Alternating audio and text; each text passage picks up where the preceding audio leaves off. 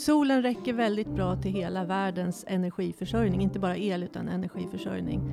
Eh, utan det är en fråga om strukturer, eh, om lagring, om eh, balansering av elnät eh, och hur elnäten är ihopkopplade med varann. En av vår samtids mest kritiska frågor är hur vi ska kunna fortsätta med vår höga men energikrävande levnadsstandard utan att tömma marken på kol och olja och förstöra vår planet. En viktig del i lösningen kan vara solen, eller snarare solceller. Men för att den gröna tekniken ska kunna göra all sin nytta krävs inte bara materialforskning och ingenjörskap utan även lönsamhet, politisk vilja, en fungerande marknad och en god infrastruktur. Nu ska vi träffa Marika Edoff. Hon är solcellsforskare vid Uppsala universitet och är en del av lösningen på spåren. Du lyssnar på Forskarpodden som är tillbaka efter sommaruppehållet. Den här podden görs för Uppsala universitet av mig, Niklas Norén och Jonas Lövenberg. Trevlig lyssning! Jag heter Marika Edoff och jag är professor i fasta tillståndets elektronik, speciellt solceller vid Uppsala universitet på Ångströmlaboratoriet, där jag leder en forskargrupp som jobbar med solceller. Och var befinner vi någonstans? Du har bjudit på jättegod äppelkaka ska vi säga. Eh, ja, och kaffe. Mm. Det är väl, och det är en eh, fin solig morgon här. Eh. Vi befinner oss i Vreta som är 12 kilometer söder om Ångströmlaboratoriet, ute på landet där jag bor. Ja, jättefint. Väldigt soligt här, det är ju passande. Ha, är det, är det, har du några solceller på, på huset? Ja, vi har solceller på vår carport, ah, eh, så okay. det kan vi titta på sen. Ja. Men, ja. Hur många eh, megawatt? Nej, det är inga megawatt. det är 3,6 kilowatt solceller som vi har på carporten. Och vi har inte på taket här, därför att ni ser att vi har en fantastisk lönn som står precis framför huset, som skuggar vårt tak, som egentligen skulle vara perfekt, men, men med trädet där så, så funkar det inte. Jag är ju jättedålig på det här med el, eh, med kilowatt alltså, hur, vad, vad, vad kan du göra med den här elen? Går det, eh, kan du köra en, en diskmaskin med den? Ja, så elen som man gör från solceller, det är ju likström. Um, och det har vi ju inte i våra hus. Men när man kopplar in ett solcellssystem så kopplar man in det till en växelriktare som gör om likström till växelström. Ja, du har ju sagt det här nu kort, men vad, vad, du forskar alltså på solceller. Hur, eh, kan du berätta mer om det? Hur gör man det? Hur man forskar på solceller? Ja, vi jobbar ju med materialforskning egentligen. Okay. Eh, för vi utvecklar material som är så bra som möjligt för att göra solceller av. Eh, så det är det vi gör varje dag i labbet. Det finns flera olika typer av solceller. Om man tittar på utvecklingen då, så finns det ett helt gäng solceller som är väldigt bra idag. Så forskningen har gått enormt framåt de senaste åren. Så det är verkligen, man får vara på tå för att hänga med i utvecklingen. Okej, och vilken typ är det du jobbar med? Jag jobbar med en eh, typ av, av solceller som heter tunnfilmssolceller. Och mer specifikt i mitt specialområde är solceller gjorda på koppar, indium, gallium, diselenid. Men vi brukar säga SIGS. Okay. det är lite lättare att säga. Då, då säger vi det också. Ja. SIGS. Men, och vad är de speciella egenskaperna med, med en sån här eh, cell? Eh, alltså just tunnfilmscellen? Ja, materialet är ju, det som vi använder, materialet, är väldigt effektivt på att absorbera solljus. Och det betyder okay. att man kan göra de här materialen väldigt tunna. Så det är det som är speciellt. Men går de att böja eller knögla ihop och sånt där? Eller alltså materialet i sig är ju super, super tunt. Så om man okay. lägger det på någonting, om man belägger det på en böjlig yta, alltså en pla plast eller metall eller sådär, då kan man ju vira en sån här cell runt en blyertspenna. Okay. Det är oerhört flexibelt, så att själva materialet är ju väldigt flexibelt. Men om de ska hålla i, i 25 år, som de då ska, så, så är det normala att man inkapslar dem mellan två glasskivor. Okej. Okay. Och då är de ju inte böjliga. Ehm, och, och, du Marika, vi kommer ju komma tillbaka till de här tunnfilmssolcellerna. Mm. Ehm, men jag tänkte, vi brukar prata med alla forskare vi träffar om, om nyttan med deras forskning. Och, och vad är nyttan med din forskning? Jag tycker ju att, jag gör, eh, att vi gör väldigt nyttig forskning. Eh, av flera olika skäl. Dels om, vi, om de här solcellerna ger ett väldigt bra bidrag till energiförsörjningen, så tycker jag att det är väldigt nyttigt det jag gör. Men vi också undervisar ju och eh, vi utbildar doktorander som går ut i industrin och jobbar. Så det är ju flera olika nyttigheter med att vara forskare på universitetet. Och det är ju inte minst viktigt att de som kommer ut ifrån vår grupp, antingen om de har varit postdoktorer eller om de har varit doktorander, de går ju ut och jobbar och gör nytta också. Så det, vi producerar inte bara forskning, utan också duktiga, utbildade människor. Men eh, skulle man tänka så här solceller, så tänk, det är svårt att inte tänka på klimatkrisen. Liksom, krisen. är det så att nyttan med ditt jobb är att, att rädda världen? Ja, men det är ju så. Och det Ja. säger väl alla som ni intervjuar, tänker jag. Att alla vill rädda världen. Och det var ju därför jag började med solceller. Det var ju liksom för att, för att jag såg ju nyttan av det. Mm. Eh, och, och det finns ju fortfarande kvar, absolut. Och, och där är det ju fantastiskt den utveckling som faktiskt har skett. Eh, för det är ju snart 2% av världens elförsörjning som kommer från solceller. Så, och det ökar väldigt fort. Så att det, man ser ju verkligen nyttan av det man gör. När du stod där och valde eh, område och du skulle forska vidare på, eller var det kanske till och med redan när du valde utbildningen, var det känslan att solcellerna, då kan jag rädda världen? Det tycker jag. Ja, ja, men det var det faktiskt. Ja. För att jag, gick, jag, jag pluggade till elektroteknik på KTH. Ja. Det är min bakgrund. Okej. Eh, och i slutet på den utbildningen så fanns det ganska många kurser man kunde välja fritt. Och då valde jag förnybar energi som var en ganska ny kurs då. Mm. Eh, och fick en föreläsare som pratade om tunnfilmssolceller. Och sen så fanns det ett examensarbete som också handlade om tunnfilmssolceller som jag då hoppade på. Och på den vägen är det faktiskt. Så att jag började forska på solceller när jag var på KTH.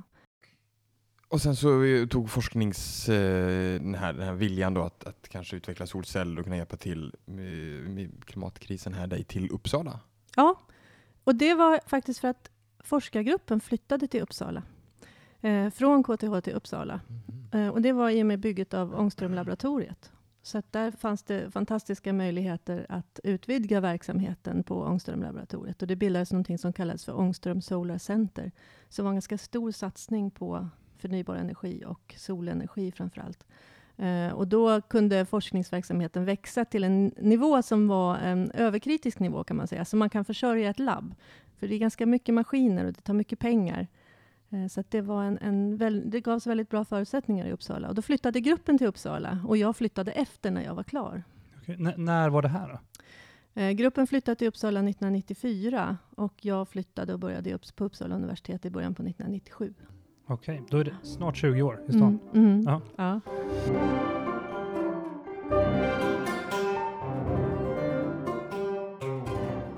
Men nu, Marika, vi, du- jag tycker vi, vi går vidare till din faktiska forskning och du Mm. har varit lite inne på det. Men kan du berätta, vad är det du gör? Vad är det du, vad, vad, vad är praktiskt, vad, vad gör du när du forskar?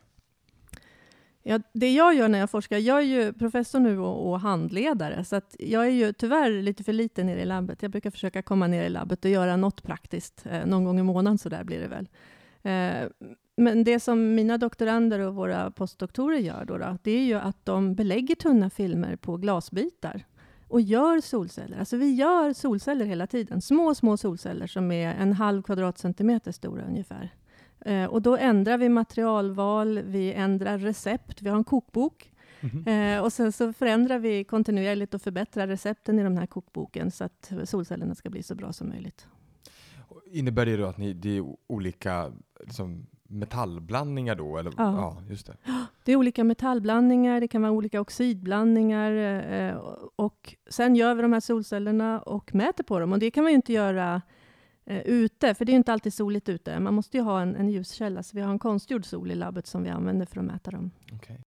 Men vilka parametrar är, är viktigast då när ni håller på med det? För, jag, för både produktion och, och eh, effektivitet måste väl vara två ganska viktiga saker, tänker jag. Ja, precis. Så vi brukar tänka, eller vi säger, vi tänker alltid skalbarhet. Okej. Mm. Eh, att de processer som vi utvecklar ska ha möjlighet att bli skalbara. De tekniker vi använder i labbet behöver ju inte alltid vara det, men man måste åtminstone se att det finns en möjlighet att skala upp någonting. Om man inte ser det, om det är något oerhört ovanligt ämne eller om det är någon väldigt, väldigt krånglig metod, så, så kan vi inte använda oss av den. Ehm, så det försöker vi tänka på hela tiden. Och du, det- vad, är, vad är då den största utmaningen i ditt jobb? Handlar det om att få till ett billigt effektivt material eller är det hållbarhet eller vad, vad är det som är den, den stora utmaningen? Vi jobbar väldigt mycket med verkningsgrad. Ehm, Alltså att få ut... så, mycket effekt, så mycket el som möjligt ur solstrålarna. Ah, okej. Därför att det slår så oerhört starkt på kostnads, eh, kostnaderna. Och, och de tunnfilmssolceller som finns idag, som brukas idag, vi, vi har, vet ju, vet, det finns ju ett hus exempelvis nere vid centralstationen i Uppsala, som, det är väl dina solceller på den tror jag? Ja, mina, men våra. ja, jo. ja. De kommer från forskningen går- här. ja. Ja. Liksom, vad är det för verkningsgrad på dem? Just de tror jag ligger på 11-12 procent. Men Eller vad de tror- är, ja. Är, det de- är det bra? Ja, det är bra, men det är, de är ju ganska gamla nu. Eh, Ja. Så att utvecklingen har ju gått framåt sedan dess. Så nu är det snarare 14-15 på tunnfilmsolceller Ah, okej. som man säljer. Alltså produkter, färdiga moduler. F- Finns det, finns det någon liksom tröskel där? Måste ni komma upp till eh, alltså att det behöver vara 20% eller 50% eller någonting för att det ska vara liksom kommersiellt gångbart i, i stor skala? Ja, det tror jag. Alltså det, finns, det finns väldigt tydliga trösklar där det med dagens kostnadsläge inte ens hjälper om modulerna är gratis. Eh, Mhm. Därför att en så stor del av en systemkostnad är att sätta upp solcellerna och se till att de sitter fast och, och att det finns sladdar dragna till dem. Eh, Så att man måste komma upp i en viss verkningsgrad för att det ens ska löna sig att sätta upp dem. Eh, jämfört, och, men sen är det ju konkurrensen är ju stenhård från dem, den teknik som dominerar som bygger på kristallint kisel. Och den, eh, den marknaden är ju 90 procent ungefär. Och slå sig in på en marknad med produkter som fungerar väldigt bra och som dessutom har varit uppsatta under lång tid och fungerat under lång tid, det är tufft. Eh, Och då måste man se vad, vad har de för egenskaper? Och det är därför som det är viktigt med verkningsgrad också. Vi måste vara lika bra eller bättre än dem eftersom det här är en ny oprövad teknik. Men, och varför ska man använda dina solceller då före de här kiselsolcellerna? Ja, det kan man ju fråga sig, verkligen. Eh, men det tycker ju... Dels så på lång sikt, Ja. om man har en tillräckligt stor eh, fabrik, så är det billigare eftersom det går åt mindre material. Så produktionskostnaderna är billigare för lika stora fabriker. Men det finns ju knappt så stora fabriker. Det finns en sån stor fabrik eh, som gör SIGS och så finns det en eh, annan tunnfilmsteknik som heter kadmiumtellurid som också har ett stort företag som har skalat upp väldigt mycket. Så de, de är ju billigare, klart billigare än kisel redan idag.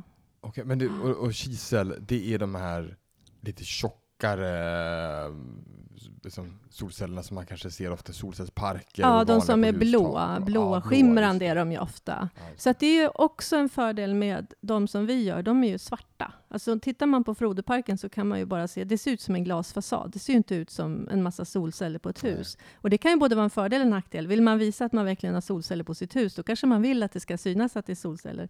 Men vill man ha en glasfasad som producerar el, som bara är snygg, då, då är ju tunnfilmssolceller någonting som är snyggt, tycker ju vi i alla fall, med den här jämna svarta ytan och kanske lättare att placera.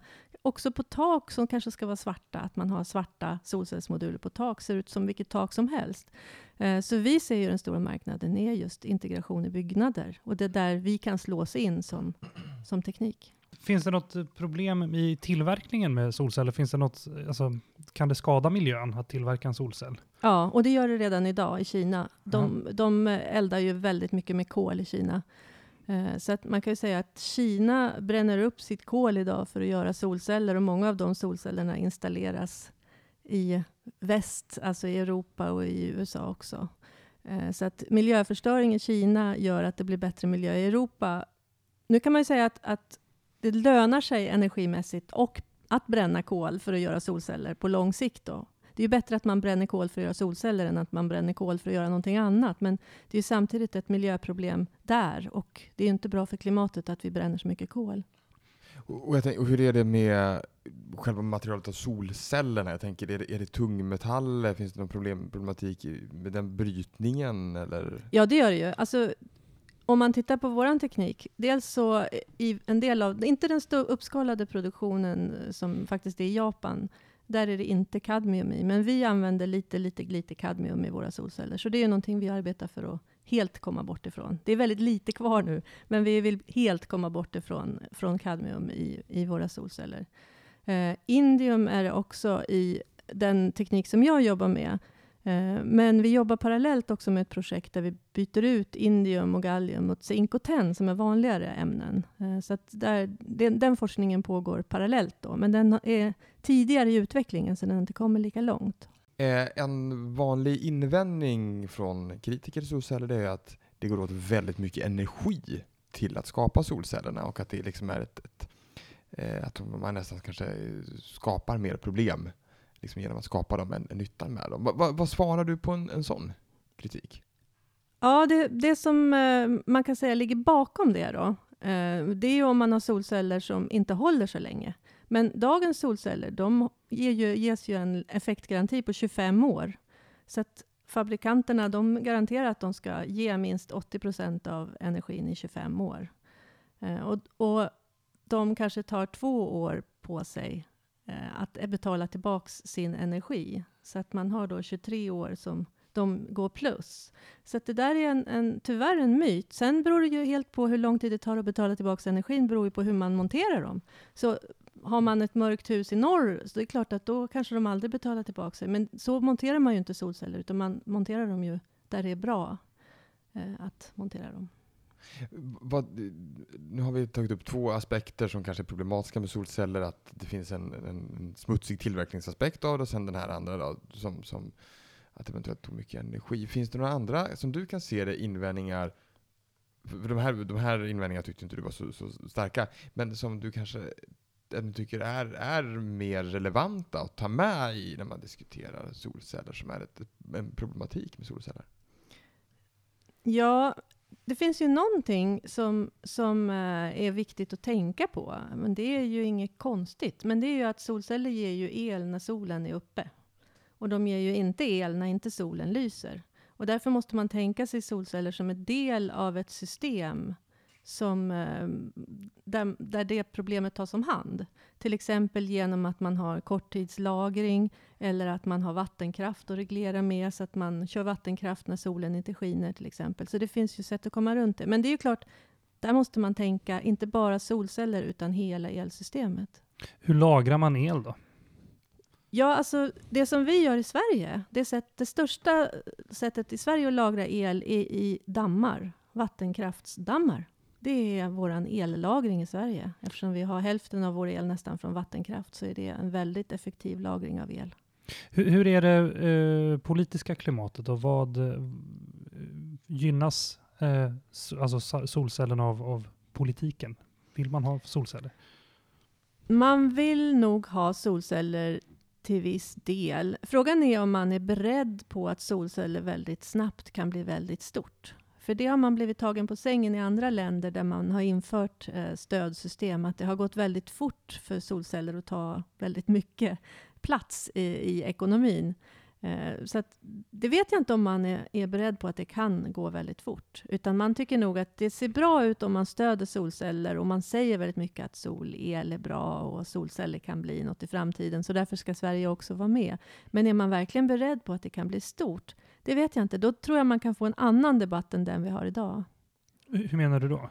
Så, så här, om, om man börjar se att det tar plats i ekonomin och att man behöver, man får behov av att investera mer i att förstärka elnäten. Och om elbolagen ser att deras affärsmodeller måste förändras i grunden, eh, då tror jag att det blir en ny debatt. Därför att det som växer fram nu, det är någonting som vi kallar för prosumers på okay. eh, engelsk-svenska. Ja. Eh, och en prosumer är en person eller en familj som både producerar och konsumerar el okay. samtidigt. Och kanske ibland producerar mer än den konsumerar. Eh, och då, om man säger att man har det på det viset, då blir elnätet blir en tjänst som man köper eh, för att transportera sin el till någon annan som behöver elen. Så man blir själv ett, en liten elproducent då, fast mm. i liten skala. Och där, finns, där växer det fram jättemycket roliga affärsmodeller. Till exempel att man kan sälja sin el på Facebook och, och, och, och sådär. Eh, så att den här framväxanden av alternativa affärsmodeller som ifrågasätter och med, kanske ändrar lönsamheten för elbolag, det tror jag kan ge en, en, en stor debatt. V vad tycker elbolagen om att folk blir egna producenter? Ja, de har tyckt att det var väldigt dåligt, de stora. Däremot en hel del små elbolag har hoppat på tåget väldigt tidigt och lockat till sig kunder genom att säga att ja, men kom till oss, vi tar gärna emot din egenproducerade el och betalar för den eh, och så blir du kund hos oss. Eller till och med ibland, vi tar gärna emot din egenproducerade solel för att vi ser att den har ett högt värde på marknaden så vi kan sälja den. Eh, så att det finns en del väldigt pigga eh, elbolag som har hoppat på det här. Så att den här trenden att, att de stora elbolagen börjar funderar på solel och, och till och med säljer solelsystem kommer ju från att de små, tror jag, kommer från att de små elbolagen har provocerat dem lite grann nerifrån. Och för att om solelen ska kunna slå i Sverige, vad, vad krävs då som du ser det? långsiktig strategi som, som gör att folk ser att det här är någonting som jag inte kommer att straffas för i framtiden.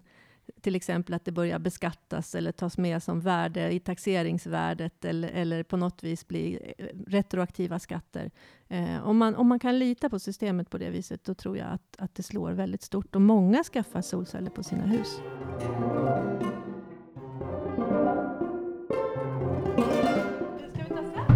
Ja! Ja! Jättegärna. Härligt. Nu, nu går Marika och tar fram en solcell. Ja, precis. Ja, det var inga problem. Det finns eh, solceller. Det är väl så att eh, Marikas man jobbar också med solceller. Ja, just det. Så att eh, det finns... Solcellstätt hem. Mm. Eh, och vi har solceller på Vi har- båtar också. Vi har, ja, vi har fyllt på lite med kaka här. Den är lika god som förut. Eh, nu kommer alltså Marika här med en, en liten plastmojäng. Ja, så Ja, frågan den, är... visst är den söt? Om man får vända på den så är det en blomma. Ja, titta! Kolla. Och, och det, alltså, f- det, man kan säga att den ser lite ut som en karikatyr, ja, inte karikatyr, men av, av om man ska stilisera ett hus lite va? Eh, Ja, just det. Jo, ja, precis. på Det är ett hus, ja. På, ja. Och sen på, på ena sidan och sen på baksidan så är det en solcell och sen så vickar det fram och tillbaka en, en, ja, en blomma eller en, en pappbit utklippt som en blomma. Glatt. pi- Och den här Alla förstår- kommer förstå exakt Ja, det alla kommer förstå. och, och, eh, och det är ju då soljuset då som gör att den vickar, Att eller? den vickar. Ja, alltså det är faktiskt ljuset till och med här inne som gör att den, Mhm. Att den vickar. Det behövs väldigt lite ljus för att den här ska vicka. Eh, den, har en ganska, den har en ganska överdimensionerad solcell kan jag säga. Det är vår, en av våra hemgjorda solcellsmoduler Jaha. som sitter på den. Den Okej. hade en annan solcell från början, så vi, vi kan säga att vi har utrustat den här med en ganska stark eh, överdimensionerad motor just nu. Eh, Men, och då kommer vi till frågan då, hur, för det har vi inte frågat än. Hur fungerar en solcell egentligen? En solcell funkar... Eh, ja, titta, nu kommer en annan solcell. kommer här kommer solcell. flera solceller. Oj, titta. wow! Här. Här kommer en, en, Här kommer en solcell. Ja, här. Nu, oj, nu fick jag massa pedagogiskt Men material. vad bra. Det här är en kiselsolcell. Nu kom Lars med en Ja. kiselsolcell. Ja. Så kan vi jämföra och säga, nu kan ni se att de ser olika ut. Ja. Precis. Marikas man alltså, som också jobbar med solceller. Och nu, så nu har vi dels den här då, lilla huset med en liten svart cell. Det är en Mm. tunnfilms Ja, det är en tunnfilmsolcell. Ja. Och sen så kommer vi med en, en större plastskiva här med en, en blå liten yta i. Eh, och det är alltså då en kisel. En kiselsolcell. Solcell. Det här är Mm. en kiselsolcell. Den här äh, blommotorn, Ja. den drivs av fem solceller som är kopplade i serie, tror jag. Eller Mm. fem Okej. eller sex stycken som är kopplade i serie. Ja. Det här är en e- ensam solcell. Ja. Men en solcell funkar, när solen lyser på en solcell, då kommer det bildas det en spänning mellan plus och minuskontakten. Och man kan leda ut en ström som eh, går från plus till minus förstås. Och då går den strömmen genom någonting, en motor eller ett batteri eller någonting. Och sen kommer den strömmen tillbaka igen. Eh, och sen så kommer det nytt solljus eh, som ser till att spänningen hålls vid liv. Eh, och man kan se, om man går ner ett steg till, så finns det ju elektroner i alla material. Alla olika material har ju elektroner. Mm. Och just i halvledarmaterial så kan elektronerna ha flera olika tillstånd. De kan finnas i ett högt energitillstånd och ett lågt energitillstånd. Och solljuset lyfter elektronerna från det låga energitillståndet till det höga energitillståndet. Från det höga energitillståndet så leder man ut dem med solcellen och så utför de sitt arbete och sen matar man tillbaks dem när de har kommit ner i det låga energitillståndet. Jag tycker vi ska prata lite om, om, om framtiden tycker jag. Mm. Hur, stor del av Sveriges elmix är solel idag? Ja, 0,0 någonting procent, 0,05 kanske 0,01 typ så. Ja, procent alltså. Inga, jätte, inga jättemängder. Va, va, vad tror du eh, i framtiden, hur stor del av Sveriges energimix tror du att eh, solelen skulle kunna vara? Någonstans mellan 10 och 15 procent är rimligt. Då är ju det naturligtvis otroligt mycket mer än vad det är idag. Det är väldigt mycket mer än vad det är idag. Mm. Men med dagens ökningstakt så behöver det inte ta så lång tid. Okej. Hur lång tid då, då på en höft? Jag tror tio år kan det, det kan gå fortare än tio år också. Det beror på hur det tar fart. Liksom. Men, men eh, att vi är där om, om tio år, det tror jag. Det kan faktiskt hända. Va, vad är det som krävs då? Är det privata konsumenter som ska ha det på, på sitt tak eller på sin carport? Eller är det så att de stora eh, företagen måste bygga solkraftsparker och sånt där? Eller hur? Jag tror att det räcker långt ifall folk har det på sina hus och att bostadsrättsföreningar har det på sina hus och att eh, olika företag har det på sina hus. Alltså stormarknader, fabriker, Eh, det behöver inte betyda stora solcellsparker. Det kan göra det, men det behöver inte betyda det. De, de lågt hängande frukterna är ju alla byggnader egentligen. Ja, men för jag tänker det borde finnas redan en, vad ska man kalla det, en infrastruktur för att, platser där det skulle gå att sätta upp dem och som är lätta att komma till och sånt där, som är tak. Är det så? Ja, och det är redan eldraget till de husen. Ja. Eh, så det, det, är ju jättelätt egentligen att koppla in en solcellsanläggning. Och man behöver egentligen inte förstärka elnätet så mycket fram till det huset heller. Därför att det är redan eldraget. Det blir inte mera el än vad ett sånt hus gör av med. Så där är det ju också så att de kommer kunna använda sin el. Om man tänker sig en fabrik eller ett sjukhus eller något. De, kom, de har ju sån hög elförbrukning så de kommer ju använda elen direkt. Så om de kan få 5-10% av elen från solceller som är på deras egna hus, då kommer de hela tiden att använda den. De behöver inte ens mata ut det på nätet egentligen. Finns det en gräns så för hur mycket el vi skulle kunna få från solel? Nej, det finns ingen gräns. Alltså, gräns. Solen räcker väldigt bra till hela världens energiförsörjning, inte bara el utan energiförsörjning. Eh, utan det är en fråga om strukturer, eh, om lagring, om eh, balansering av elnät eh, och hur elnäten är ihopkopplade med varann. Så det, det, det, finns ingen övre gräns, men det finns eh, enkla, enkla och så finns det mera komplicerade. Och när man kommer upp i stora volymer, det är då det kan bli mera komplicerat och mera omvälvande. Alltså det, eh, hur är det då, måste man tänka mer eh, globalt? Solen ser ju, och molnigheten ser ju inga nationsgränser. Måste man samarbeta med andra länder för att kunna ge och ta varann och sånt där? Eller hur ja, funkar det? det måste man göra. Och, och jag tror också att i en framtid måste man också vara beredd att stänga av en del anläggningar för att balansera elnäten eh, vid vissa tillfällen. Alltså att man måste ha kontroll eh, och jag kan tänka mig att man kan ha affärsmodeller så att man får väldigt bra betalt för el när elbolagen vill ha el och, och att man, eh, när elen, man in, elbolagen inte vill ha el, att man inte får sälja alltid och sådär, utan att man då får ta hand om elen själv och göra kanske vätgas av den eller någonting annat. Eh, därför att man inte kan sälja den då. Men då gäller det att det finns teknik för att göra någonting annat med elen just då.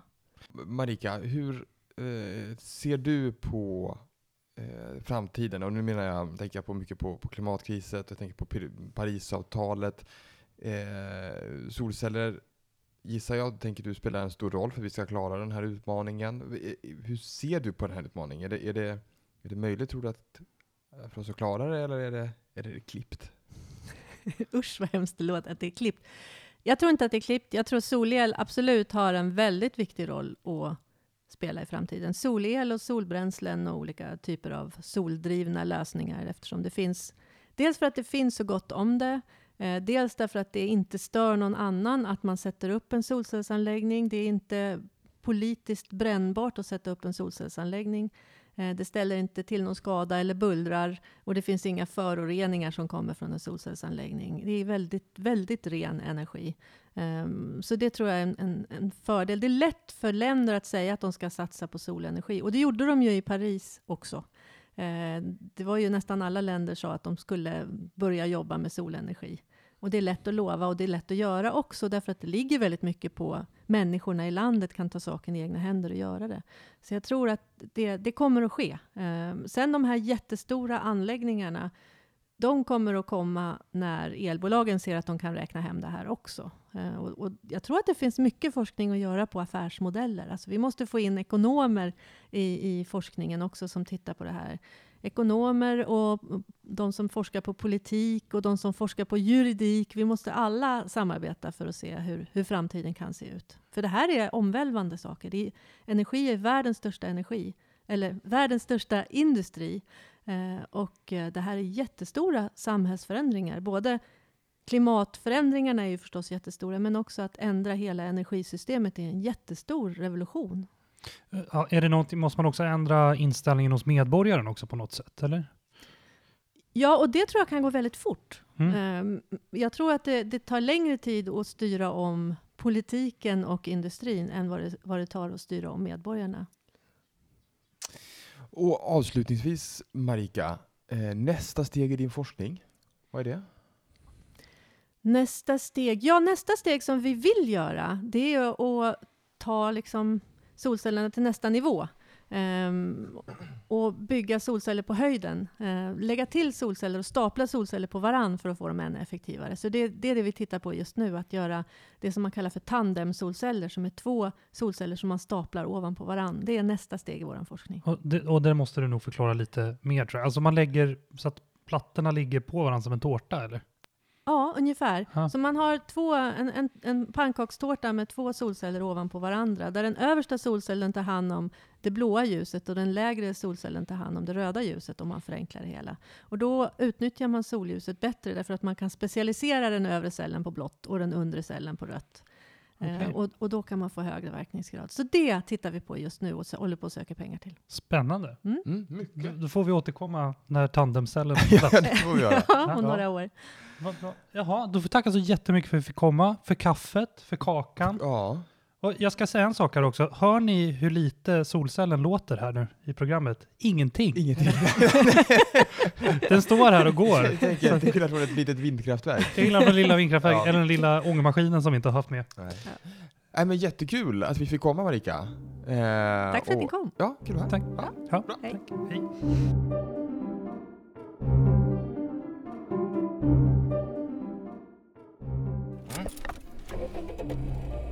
Jaha.